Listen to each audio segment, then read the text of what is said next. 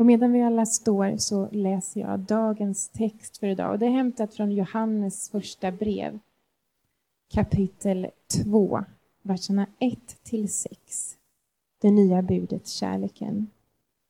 Mina barn, detta skriver jag till er för att ni inte ska synda. Men om någon syndar, då har vi en som för vår talan inför Fadern, Jesus Kristus, som är rättfärdig.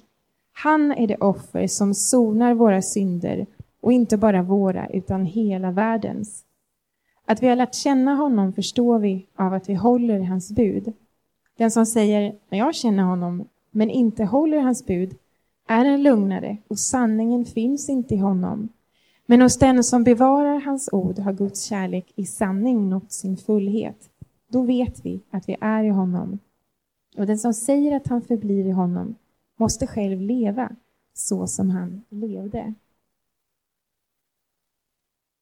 Så går vi till kapitel 3 och verserna 16 till 18. Genom att Jesus gav sitt liv för oss har vi lärt känna kärleken. Också vi är skyldiga att ge vårt liv för bröderna. Om någon, har, eh, om någon som har vad han behöver här i världen ser sin broder lida nöd, men stänger sitt hjärta för honom, hur kan då Guds kärlek förbli i honom? Mina barn, låt oss inte älska med tomma ord, utan med handling och sanning. Det var Guds ord för oss idag. Välkommen fram, Viktor, och varsågoda och sitt. Tack Jesus Kristus för att du kommer till oss i ordet som vi precis har lyssnat till. Vi ber dig Fader att du skulle tala till oss, komma till oss och låta oss förstå. Öppna våra ögon för ditt ord och låt oss också få nåden att få göra handling av dem. I Jesu namn. Amen. Innan jag tar oss ner i eh, den här begravningsstämningen som jag brukar skapa så, eh, så ska jag berätta eh, ett liksom ett eget upp, egenupplevt del av, vi ska se här, kan vi inte få en till så? där, trons uttryck ska jag tala om idag. Och jag har upplevt när andra människor eh, har gjort just det här trons uttryck, när andra människor har uttryckt sin tro. Och för, eh, och det här är en, hälften av er kan det här utan och innan, men eh, låt gå. För ett och ett halvt år sedan så, så satt jag och min fru Klara på en eh, klinik här i Stockholm och eh, så hade vi gjort massa tester och sen så för att kunna få barn. Och så säger den här läkaren eller gynekologen till oss att eh, vi aldrig sett så, eller jag har aldrig sett så här låga siffror, ni kommer inte kunna få barn. Eh, och, och, det kan man ju, man kan fundera på om det var bra att säga så, men, men så var det i alla fall och det tog oss ganska hårt och så fick börja en kamp i våra liv eh, som, eh, som var fruktansvärd, ett, ett levande helvete av att känna att Gud är inte närvarande, han är långt borta och jag vet inte liksom, hur, hur ska jag klara mig genom det här. I mitt i det så, så upplevde vi det som, eh, som är det kanske något av det vackraste på jorden, nämligen andra människors kärlek till oss. Vi upplevde hur eh, människor som typ Daniel och Linda, som du eh, precis har sett Linda, eh, och eh, Linus och Maria, ett annat par som finns med i den här församlingen, eller eh, Andreas och Julia, som helt plötsligt började omsluta oss med kärlek som gjorde att vi eh, på något sätt ändå liksom funkade, eh, ville fortsätta leva, typ sådana sjuka saker. Och, och det är för mig liksom något av det vackraste som finns, något precis det här trons uttryck. När tron inte bara liksom sitter här uppe eller här inne, utan när den blir handling, när den liksom blir ord och när den blir händer. Och det skulle jag vilja prata om lite grann idag. Om när tron som, som på något sätt ska övervinna den här världen, står det i Johannes första brev. Hur, hur ska den tron som vi har faktiskt övervinna världen? Och jag är övertygad om att det är genom att den får sig uttryck, att den inte bara stannar i våra liksom individer hos oss själva, att den inte bara stannar i ett kyrkorum utan att den kommer någon annanstans. Och det ska jag försöka prata lite grann om idag.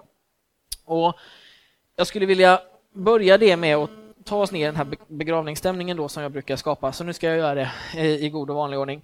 Eh, det här är en bok som jag eh, håller på och precis börjat läsa. Den är om Magnus Malm, en snubbe som är ännu bättre än vad jag är på att skapa begravningsstämning. Och han har skrivit en bok som heter Som om Gud inte finns. Och han skriver otroligt träffande Hösten 2013 fick Sverige en ny arbetsmarknadsminister, moderaten Elisabeth Svantesson. Eftersom att hon inte bara var kristen utan dessutom hade en bakgrund i Livets Ord, hade jobbat med deras skola, var kritisk till fri abort och så vidare, så ringde alla larmklockor i media-Sverige och journalisterna anstormade statsminister Fredrik Reinfeldt med frågor om denna högst komprometterande bakgrund. I Dagens Eko klockan 16.45 den 17 september svarade han följande hon har själv betraktat det som en privat tro som hon känner, som inte på något sätt kommer att påverka det ansvar hon har i regeringen. Jag vet ingenting om Elisabeth Svantesson och hennes kristna tro, men statsministerns uttalande är onekligen en monumental diagnos över den kristna kyrkans sekularisering i vårt land. Om tron bara är en känsla, då har den inte mycket att säga om dagens politiska realiteter. Eller andra realiteter heller för den delen. Jag berättade om Reinfeldts kommentar i ett, i ett sammanhang kort efteråt och fick reaktionen av någon i samlingen Men är det inte bra att det kommer in kristna i riksdagen? Jag sa inget då, men tänkte efteråt Varför? Om den kristna tron inte på något sätt påverkar det politiska arbetet, vad är då skillnaden? I eh, USA på 80-talet så talade man ganska mycket om eh, born again Christians och att det var väldigt viktigt att man kunde rösta in de här born again Christians i typ senaten och representanthuset. Och då var det en, en eh, fredsaktivist och författare som heter Jim Wallis och han kommenterade det här lite krast med att konstatera att den regeringen i världen som hade flest sådana här born again Christians i själva regeringen, det var i Sydafrika det, det här var alltså på 80, början på 90-talet och jag vet inte, men de av er som vet vet att det då fanns något som heter apartheid, ett system som förslavade människor och band in dem i total bundenhet. Eh, ja, jag hoppas att ni förstår poängen, och den, men om ni inte gör det så ska ni få ett exempel till. 1994 bekände sig mer än 90 procent av Rwandas befolkning som kristna i den miljön begav sig ett av vår tids värsta folkmord där uppemot en miljon tutsier fick sätta livet till. Det var ungefär en femtedel av det landets befolkning.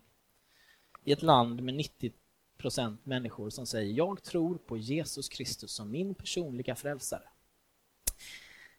Det här är ju eh, ja, berättelser om när tron inte får konsekvenser, när tron inte får uttryck, när det är tron bara sitter här uppe eller här inne, men aldrig gå längre än så.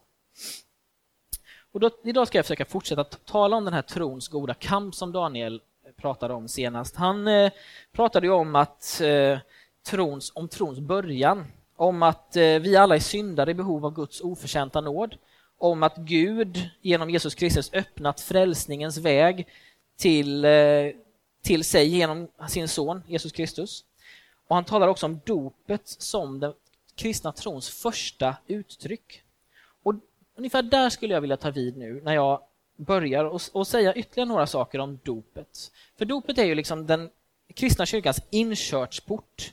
Det är aldrig en slags bekräftelse på att en, eller en utmärkelse för en väl utförd gärning, typ som en guldklocka som man får efter 25 år på en anställning. Det är ju ingen som får det längre, men jag menar, ja, om det skulle varit så liksom att någon faktiskt behöll ett jobb mer än typ två och ett halvt år så hade det kunnat bli så. Men i Apostlagärningarna i Nya Testamentet så uppmanar Petrus den som kommer till tro eh, eller som skulle vilja komma till rätta med sin gudsrelation att omvända sig från sitt tidigare liv, att börja tro på Jesus Kristus och att låta sig döpas. Dopet skulle därför kunna kallas för en slags initiationsrit, en eh, ett sätt att bli del av församlingen, av kyrkan, av Guds folk.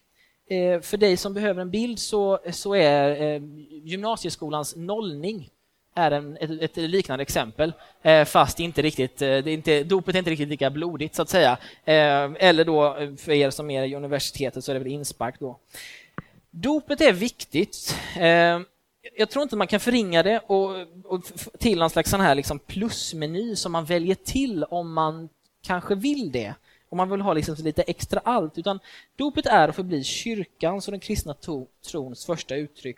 Och Det är vad vi kallar för ett nådemedel. Nu ska vi ta sådana här jobbiga, tunga ord i, så här, som ingen, alla, alla som kommer från den lutherska svenska kyrkan vet vad vi pratar om nu. Men, men eh, det är något som faktiskt fysiskt förmedlar Guds nåd.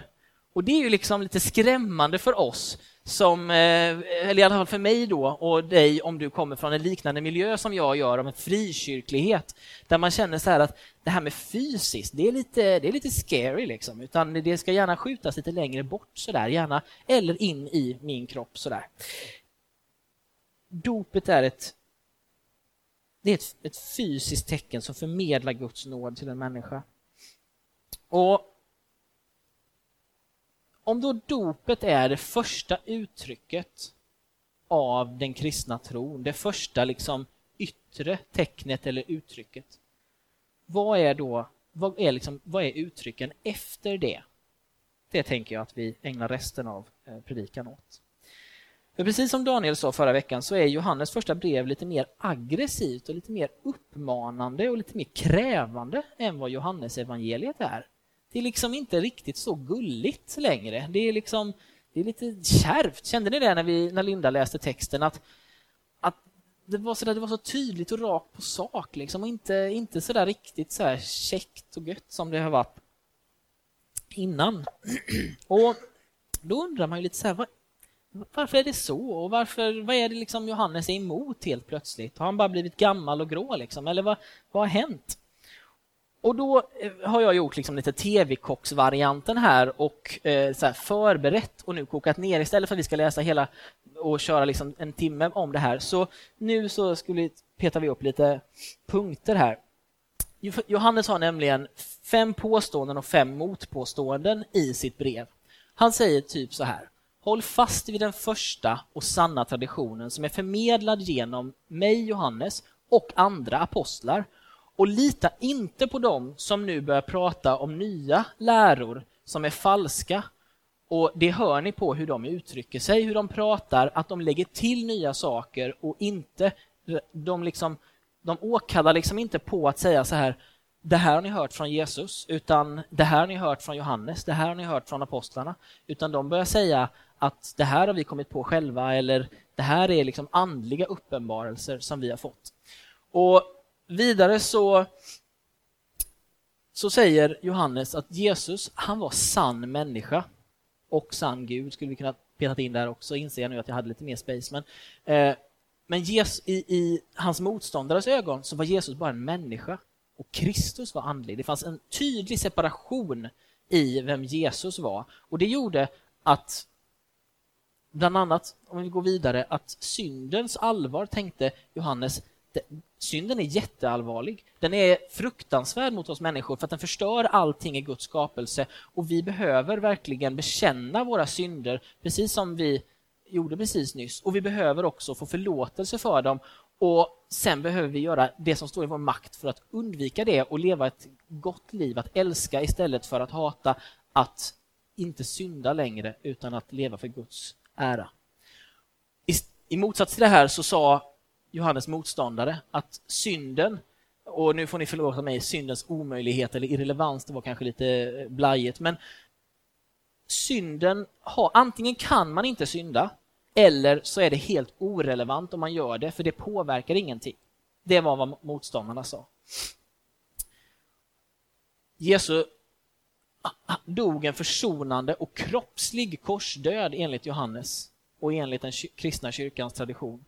Och i Johannes motståndares påstående så fanns det inget behov av kroppslig korsdöd därför att det kunde inte hjälpa någonting för att kroppen gav inte någonting till så att säga. Det, var, det, här, det här vi pratar ju andligt, tron är ju andlig. Det var utgångspunkten. Och till slut så blir det då det mest avgörande att kärleken är beviset på Guds relation medans gnostikerna de villolärarna sa intellektet, andliga uppenbarelser är beviset att man har med Gud att göra. Johannes var gammal.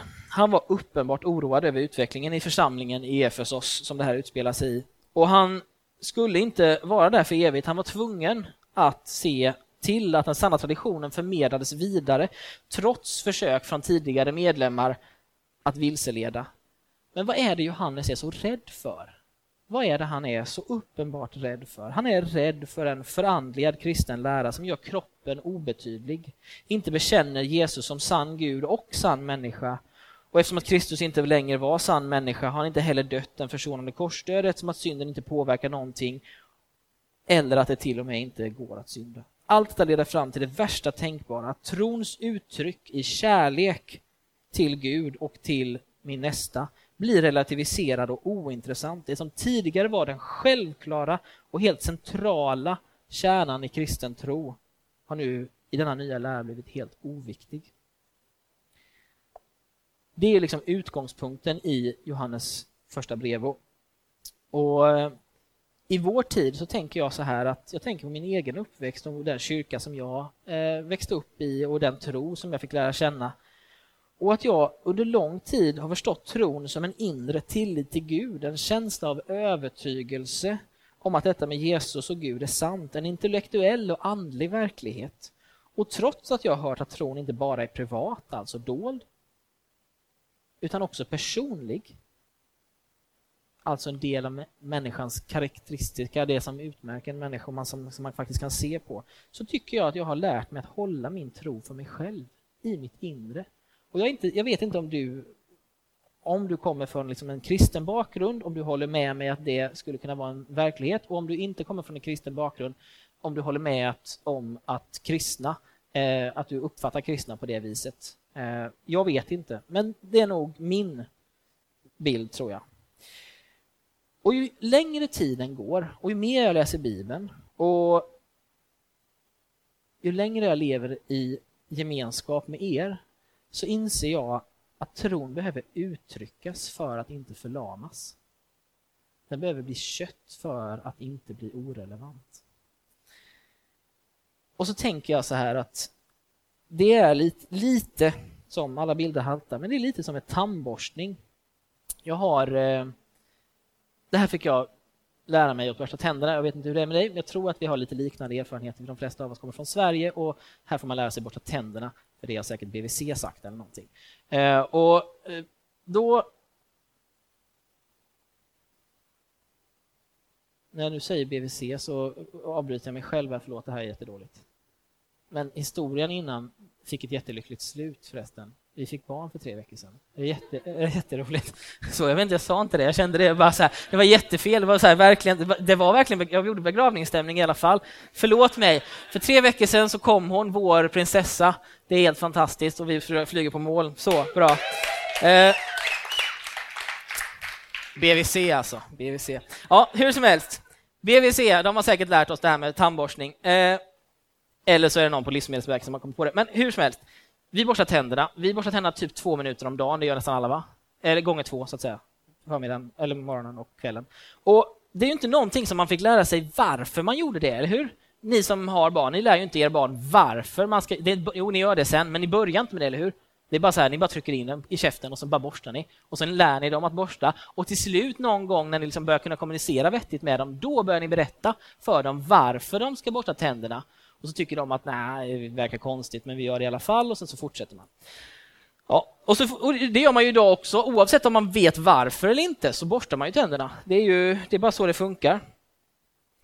Och jag tänker då att det här, eh, man behöver inte förstå varför, man behöver bara göra. Man behöver inte känna för att borsta tänderna, man behöver bara nitiskt hålla fast vid den här rutinen. Det är all it takes. Och jag tror ibland att det är på liknande sätt med typ dop, nattvard, syndabekännelse, gudstjänstfirande och att göra gott för andra människor. Att jag behöver inte förstå allt kring dopets innebörd. Jag behöver bara tro att det verkar frälsning för mig och jag behöver bara kliva ner i dopgraven. Jag behöver inte förstå nattvardens alla mysterium. Jag behöver tro att det är Kristi kropp och Kristi blod som ger mig delaktighet med Jesus och jag behöver dela den med trossyskon, ofta. Jag behöver inte känna för att bekänna mina synder. Jag behöver tro att när jag bekänner dem så får jag förlåtelse och jag behöver nitiskt hålla fast vid den här rutinen att göra just det. Jag behöver inte känna för att komma och delta i gudstjänsten. Jag behöver bara nitiskt hålla fast vid min, min rutin och tro att det är gott för mig. Och jag behöver inte känna för att göra gott mot människor. Jag behöver bara nitiskt hålla fast vid min rutin och tro att det är en rätt gudstjänst inför Gud. Kära vänner, ibland så eh, hamnar vi i en, en konstig sits inför det här med tro, där vi, där vi intellektualiserar den och gör den alldeles för, för liksom head knowledge, helt enkelt. Många av oss tror att det är jättebra att träna, springa, till exempel. Det är jättepoppis. Jag hatar det. Men, eh, så att det här är mina gåskor. Jag tycker det är mycket roligare att gå. Men, men eh, mina springskor är hemma och de... Det, fast det som är bra är att mina springskor ser mycket värre ut för jag faktiskt har sprungit i dem. Men, men hur som helst, eh, jag gillar inte det. Men jag tror på det. Och det är ju komiken. Jag tror att det är jättebra för mig att träna. Men jag gör inte det. Och hur många vet här att det spelar liksom ingen roll hur mycket man tror på träning, utan man inte gör det. Liksom. Det, är, det är så det funkar. Liksom. Att det, det är helt orelevant om du tror, inte tror, tycker, tänker etc. Det enda som räknas är om du gör det eller inte. Nu säger inte jag att den kristna tron enbart fungerar så att det bara är om du gör det som det räknas. Det säger jag inte. Men jag säger att den kristna tron måste omsättas i handling, annars är den död. Och det här är någonting som eh, har liksom, det finns några andra som har sagt genom tiderna. Jeremia, en profet i Gamla testamentet, han uppmanar hela Juda att ändra sin livsstil för att handla rätt mot varandra och inte förtrycka invandraren.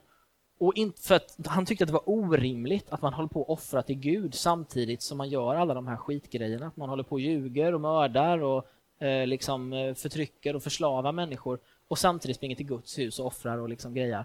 Han bara, det, det lirar inte. Jesus uppmanar oss att tro som fariseerna, en, eh, eh, en, grupp som eh, får oförskämt mycket skit i evangelierna.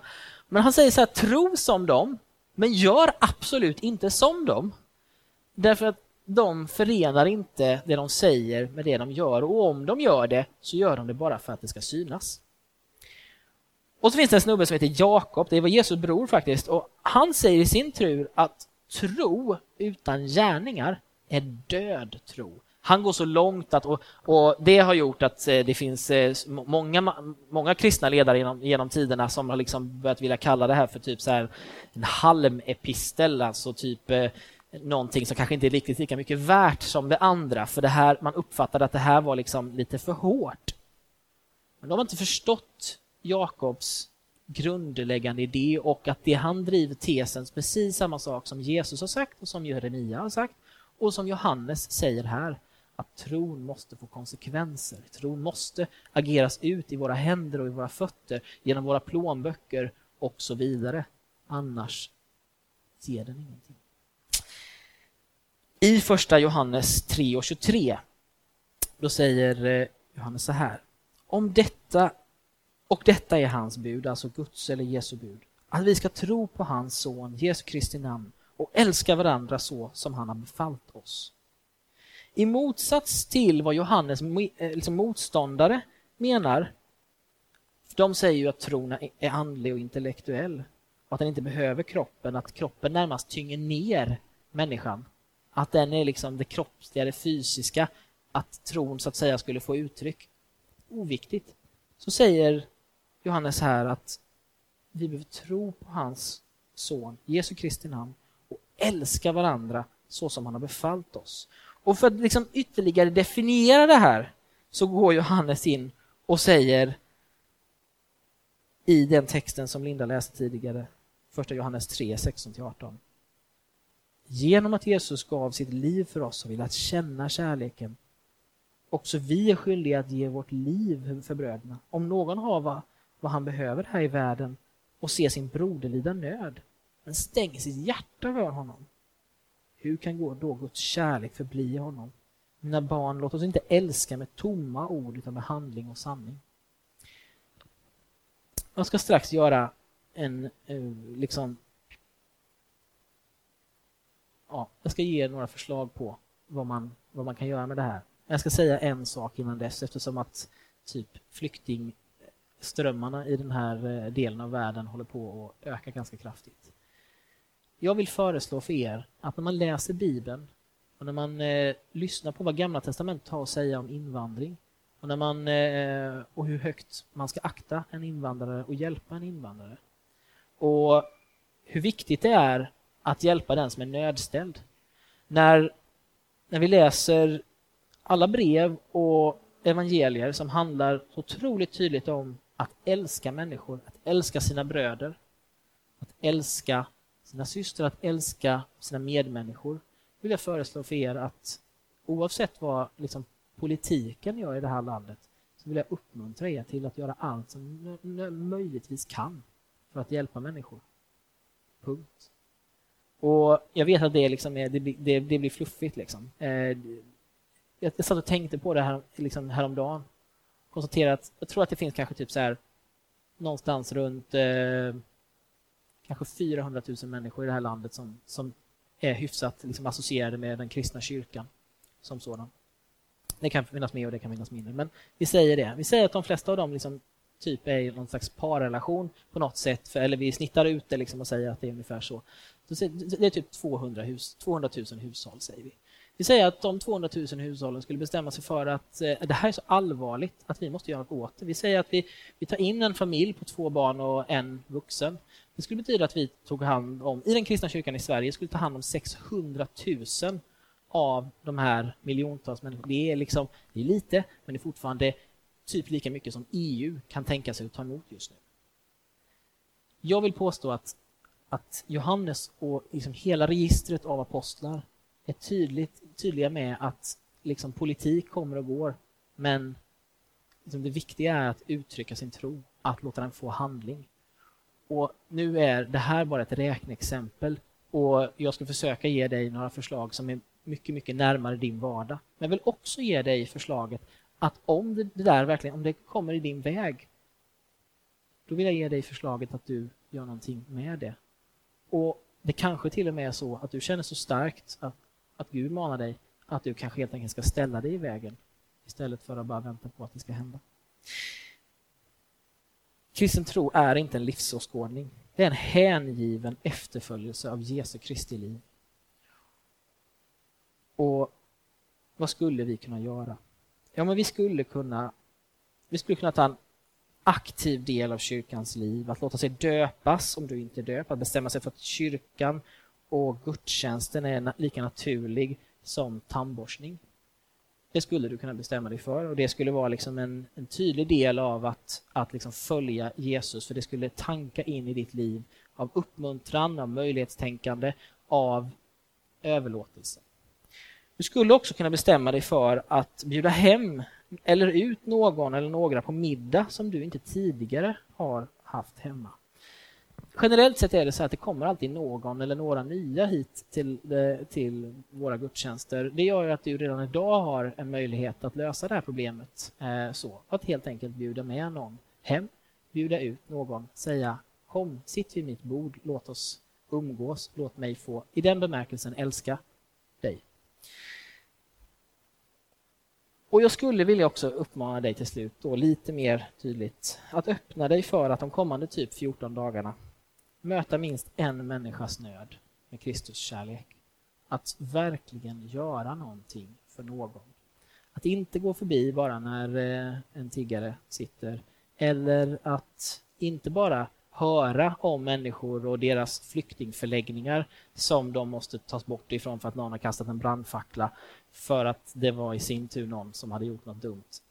Utan faktiskt agera och göra någonting. Människor i nöd eller människor som har det tuffare än vad du har behöver inte vara de som jag har sagt just nu, det som har funnits på mitt liksom, sinne när jag har förberett det här. Det kan vara helt andra människor i ditt liv. Det vet du bättre än vad jag vet och du är bättre på att agera på det. Jag vill egentligen bara säga att den tro som övervinner världen, det är inte en tro som sitter tyst för sig själv. Det är en tro som tar aktiv del. Det är en tro som typ likt Martin Luther Kings tro ger sig ut, protesterar och säger stopp och belägg. Som ger tydlig, som bestämmer sig för att vara icke liksom, mot våld och aldrig välja, välja våldets väg men alltid välja liksom ställa sig på den svaga sida. Det, mina vänner, det är den tro som övervinner världen. Det är den tro som har förändrat det här landet och, den, och andra länder i världen. Och det är den tro som kommer förändra, fortsätta att förändra världen och övervinna världen med dess liksom, hemskheter. Och den tron måste uttryckas. Den vill ut. Och kära vänner, jag vill liksom be dig, släpp fram det som finns på din insida. Se till att tron som du bär också får ett uttryck. Och som sista, om du inte har den tro som jag nu har pratat om. Om du sitter här och känner så här, jag äger inte den där tron. Jag, eh, jag vet inte riktigt vad du pratar om. Men du ändå känner så här att det låter bra. Det låter som någonting som jag vill ha. Om du känner att jag vill tro och jag, du kanske har svårt att tro eller inte känner för det. Men ändå inser, jag vill tro. Då ska jag be en enkel och kort bön för dig. Medan vi andra sluter våra ögon så får du helt enkelt tänka att det är mig han pratar om och jag vill vara en del av den bönen. Jesus, för var och en som nu tänker precis det. Att jag vill tro. Jag vet inte hur jag ska göra, jag vet inte när jag ska göra. Så ber jag dig att du skulle skänka tro. Att du skulle skänka tro på din son Jesus Kristus. Jag ber att du, Fader, skulle ge oss var och en mer av tro.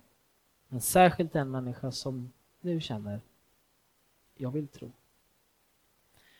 Och så ber jag dig också för var och en av oss som eh, kanske varit troende länge eller kort tid, men som inser att tron behöver uttryckas.